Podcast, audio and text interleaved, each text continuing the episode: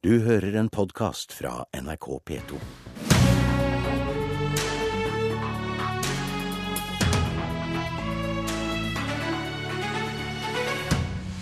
Skal en søke løysingar eller være prinsippfast, logre eller stå på krava?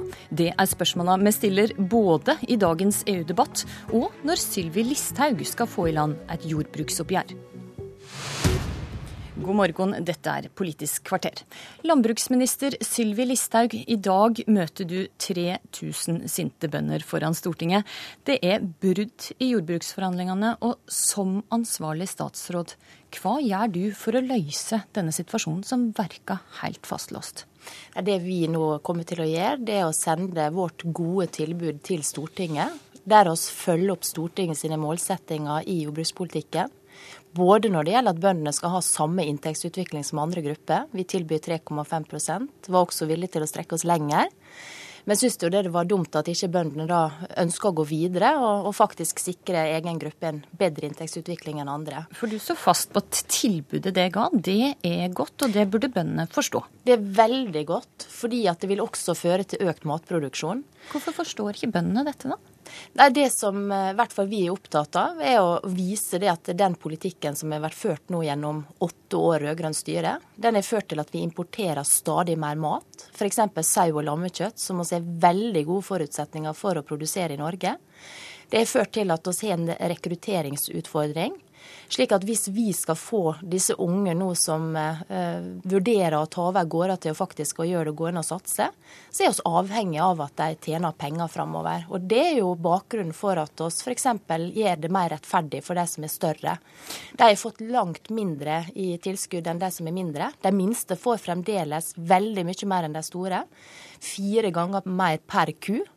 Men så er det sånn at eh, for at du skal få disse unge til å gå inn og satse på å være heltidsbønder, så må de tjene bedre enn i dag. Men jeg forstår det altså slik at du står på ditt. Du er ikke klar for å gå inn og finne noen andre løsninger her? Nei, Jeg mener tilbudet vårt er veldig bra. Vi sikrer også et landbruk i hele landet, med små og store bruk. Eh, og det er en av målsettingene til Stortinget. Med vårt opplegg så kommer de aller fleste melkeprodusenter bedre ut. Men hvorfor forstår ikke bøndene dette, da? Nei, Som sagt så ønsker de mer av den samme politikken som har vært ført gjennom mange år, og som har ført til at vi importerer stadig mer mat, som har ført til at vi har en rekrutteringsutfordring, og til at næringa har eh, store utfordringer.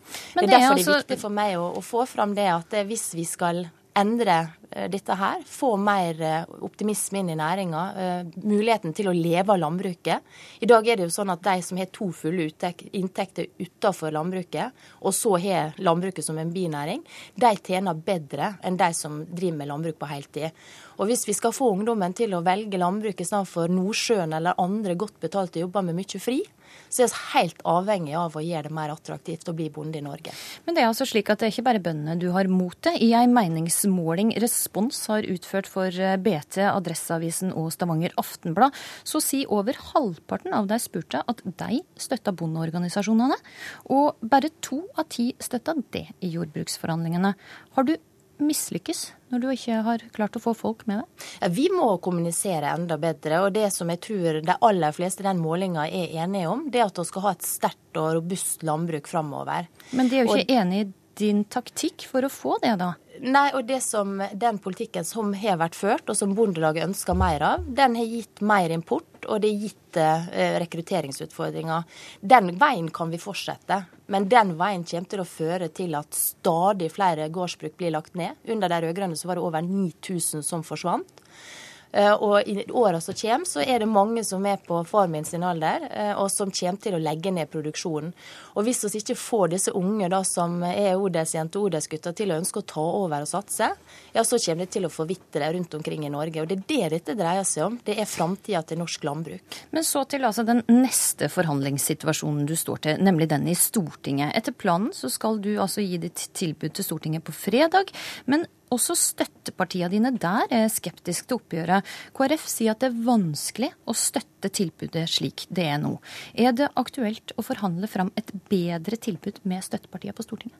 Ja, vi kommer nå til å sende over proposisjon til Stortinget med vårt uh, tilbud, som jeg mener er veldig godt, og som følger opp disse målsetningene. Men kan du forhandle på det tilbudet, var spørsmålet. Og så skal saka behandles i Stortinget, og, og da må vi komme tilbake til det som skjer der.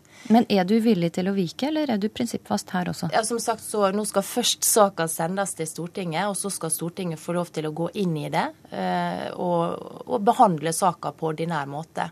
Og så må vi komme tilbake til alle spørsmål rundt det etter hvert. Men jeg har ennå ikke fått et svar på spørsmålet mitt. Er du villig til å forhandle med støttepartiene for å komme fram til et felles tilbud?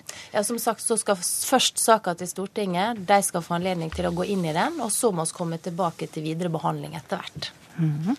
Rundt klokka to skal du altså møte en gjeng eh, mer eller mindre sinte bønder i byen foran Stortinget.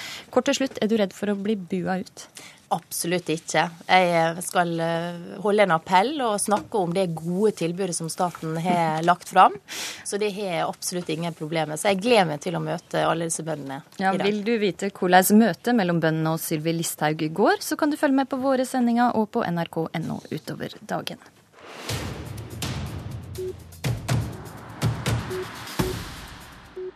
Tør europaministeren stå opp mot EU? Det er spørsmålet Senterpartileder Trygve Slagsvold Vedum stiller. Og europaminister Vidar Helgesen, i dag skal du til Stortinget for å greie ut om EU og EØS-saker. Og du er nylig kommet tilbake fra forhandlinga med Brussel om den differensierte arbeidsgiveravgifta. Det som blir kalla det viktigste distriktspolitiske virkemidlet vi har i Norge. Og Viker du i disse forhandlingene eller diskusjonene med EU, eller Tør du å stå opp mot dem? Dette er en sak hvor det er veldig viktig å stå opp for norske interesser. Og eh, det er jo sånn i EU-systemet at eh, alle kjemper for sine interesser.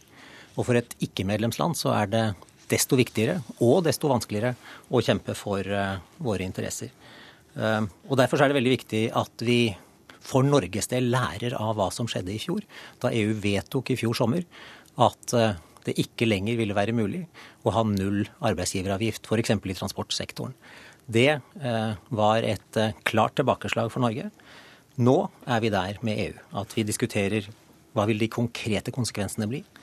Eh, hvordan kan vi avgrense og begrense skadevirkningene av det vedtaket fra i fjor sommer.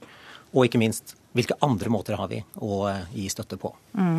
Og Ordninga som EU altså nå vil endre, den differensierte arbeidsgiveravgifta, den vil ramme ei rekke rekke bedrifter innen transport, energi og finans i distriktene, særlig i Nord-Troms og Finnmark hardt. Ja, det er veldig, veldig alvorlig for mange bedrifter, ikke minst innenfor transportsektoren. Og Noreg kjemper altså for å handle på ordninga mer eller mindre slik den er i dag. Og Senterpartileder Trygve Slagsvold Vedum, hvordan vurderer du Helgesen sin kampinnsats til nå? Nei, altså, det som har vært problemet med regjeringa her i utenrikspolitikken til nå, er at de har vært utrolig forsiktig overfor enhver stor makt for å stå opp for norske interesser og norske verdier. Eh, de har jeg eh, tror hatt som filosofi at hvis vi bare snakker litt eh, hyggelig med dem, så kan vi få gjennomslag. Vi så det i forhold til Dalai Lama og Kina. Det var om å gjøre å liksom ikke provosere stormakten. Vi så det når Vidar Helgesen ble europaminister. Det første han gjorde, var å reise til Brussel og unnskylde det jeg gjennomførte med å forbedre ostetollen. Tenk hvis en fransk minister hadde gjort det samme. Reist ned dit og sagt uh, unnskyld, unnskyld for at jeg står for fransk industri, fransk landbruk. Det er helt utenkelig. Og jeg mener også vi ser det i forhold til differensiert arbeidsgiveravgift, der regjeringa 13.3 sendte brev til, uh, til, EU, eller ESA, og godtok de endringene. Det gjorde jo aldri den rød-grønne regjeringen. Også det som jeg syns er litt sånn synd i forhold til regjeringa det siste rundt den 13. mars, når det her ble godtatt i første runde, er at de var mer opptatt av å skylde på oss enn å ta ansvar. Regjeringa søkte ansvar, de fikk ansvar. Da får de ta ansvaret. Og Det som er dramatisk nå, er at det kan bli en regning på opptil halvannen milliard for mange distriktsbedrifter i Nord-Norge. Så det er en gedigen avgiftsøkning. Og Bedriftene vet ennå ikke om de får det eller ikke. Her var det mye å svare på, Helgesen. Er det først er det feige i utenrikspolitikken? Nei, det er vi ikke. Vi kjemper for norske interesser. Og vi eh, tok altså kontakt med kommisjonen i mars, eh, etter at ESA hadde gjort ferdig sin eh, tolkning av reglene som altså ble vedtatt i fjor sommer. Og eh, som en oppfølging av det, møtet, av det brevet hadde jeg et møte med kommisjonen i forrige uke. I forbindelse med det møtet fikk jeg et veldig klart inntrykk av at det ikke i fjor på noe tidspunkt hadde vært kontakt mellom den norske regjeringen og kommisjonen om disse spørsmålene. Og når, når Vedum da snakker om å stå opp mot EU, så er det viktig å gjøre det når vi har viktige nasjonale interesser, og det har vi her. Eh, men skal man stå opp mot EU, så holder det ikke å gjøre det i et NRK-studio eller foran mikrofoner i Stortingets vandrehall. Da må du faktisk snakke med EU-kommisjonen. Og det er det vi nå gjør. Og det er derfor vi nå for første gang er i en prosess. Siden kommisjonen la frem et forslag i januar 2013, det er ett og et halvt år siden, så er det nå for første gang at vi er i en reell dialog med kommisjonen om hvordan vi kan kompensere. Vi ja, kan altså, ikke endre denne... det vedtaket som ble gjort i juni i fjor, men vi kan altså begrense skadevirkningene og finne andre måter. Da må vi sammen med EU finne ut hva som nå er tillatt av støtteformer, og det er det vi nå er i gang med. For denne ordninga med differensiert arbeidsgiveravgift, den ble altså utforma og vedtatt av EU mens det satt i regjering, Slagsvold Vedum. Og hva gjorde det for å påvirke dette? Forslaget kom jo i januar 2013. Og så var det en prosess fram til juni da EU vedtok sitt. og da påvirka vi på ulike måter, både gjennom på embetsmannsnivå, politisk nivå og gjennom skriftlige ytringer. Og når, det, når Men Helgesen sier jo at det ikke var noe politisk kontakt? Det er, liksom, det, er liksom, det, er liksom, det, er, liksom, politikk på sitt verste at vi diskuterer hvem sa hva når, hvor. Også når EU vedtok sitt regelverk i juni i fjor, så var det møte på embetsmannsnivå i juli. Det var regjeringa som sådan ga uttrykk i skriftlig form i august at hun var imot det. Statsråd Navarsete var i Brussel i september og sa hun var, var uenig i, i den endringa. Og vi godtok det aldri på noen tidspunkt. Uh, så kan vi sikkert ha, vi kan du ikke, men, men, la oss få klargjort om dette. da. Hadde det noen politiske møter med EU? Ja, altså, vi hadde jo, Det siste vi gjorde nesten før vi også gikk ut av regjeringskontorene, rett før valget, var jo å ha et eget møte med Oda Sletner, som da var i ESA-president, i forhold til å si at den norske regjeringa ikke godtar de endringene som er foreslått her. Så vi, på ingen tidspunkt så godtok vi de endringene. Så var det da 13. mars, når eh, den nye regjeringa la fram sine, eh, sin godkjenning og sendte den ned til Brussel, sa vi OK, vi godtar de endringene. Da protesterte eh, de rød-grønne partiene mot den foreslåtte endringen, men de sa at løpet er kjørt fullstendig. Så protesterte vi mer. Så kom da Jan Tore Sanner sa vi skal kompensere krone for krone. Så spørsmål nummer én til Helgesen står, står Helgesen ved løftet til Sanner hvis vi får et sånn avgiftshopp, at regjeringen skal kompensere krone for krone. Det bør man svare på. Og punkt to var at i slutten av april Nå var det, nå var det Jan Tore Sanner ja, ja, som kom med det løftet, og ikke Vidar Helgesen. Så vi får, nei, vi får ta det første først. Eh, de har ikke sovet i timen. Jeg syns det er ganske meningsløst å protestere ett år etter at vedtaket ble uh, tatt, når man ikke engasjerte seg mens man kunne det for et år siden. Og når det er snakk om hva som er politikk på sitt verste, så syns jeg det er å anklage regjeringen for å ikke stå opp for nasjonale interesser, når det faktisk er vi som har tatt kontakt med kommisjonen og er i dialog med kommisjonen for å finne løsninger i denne veldig vanskelige situasjonen for bedrifter i distriktene.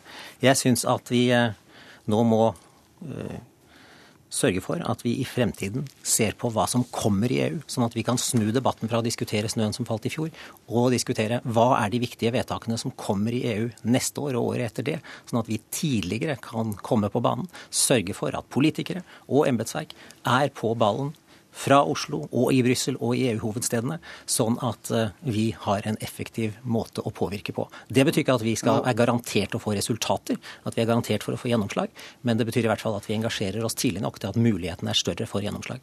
Ja, men det, var, det finnes mange punkter at vi var engasjert, eh, både i fjor vinter, fjor sommer, fjor høst. Og så er tydeligvis regjeringas eh, forsvar angrep. At det er det beste forsvaret. Og så er det jo det som er ganske interessant, var jo at denne regjeringa her godtok jo sjøl de endringene som EU kom med i mars. Men pga. mye protester, så heldigvis så har det gått en ny runde. Det støtter vi dere fullt og helt i. Men det er veldig urimelig at når man sjøl i mars sa at alt var kjørt, og så i april sier man at nå skal vi ta en ny runde. At man skylder på den regjeringa som satt for et år siden. Man må ta ansvaret når man har det. Og så bør, bør, man være forutsigbar i forhold til distriktsbedrifter. Når regjeringa har sagt man skal kompensere krone for krone, hvis man ikke får gjennomslag, så bør man stå ved det. Og alle statsråder bør kunne gjenta det samme budskapet. La Helgesen få svare kort til slutt. Er det slik at det ikke tar ansvar for situasjonen det er i nå? Det er nettopp det vi har gjort. Fordi vi for første gang nå er i dialog med kommisjonen. Det burde Norge vært for mer enn et år siden. Men nå er vi der. Nå må vi se på hva vi kan gjøre for å kompensere. Og det er nettopp det vi kommer tilbake til Stortinget Men med var det tidligere dialog senere med i kommisjonen år. også for et år siden, selv om du gjentar den usannheten? Trygve Slagsvold Vedum, Vidar Helgesen, takk for at det kom til Politisk kvarter. Denne sendinga er over. Har du meninger om det vi har sendt? Ris eller ros? Send en e-post til politikk at nrk.no.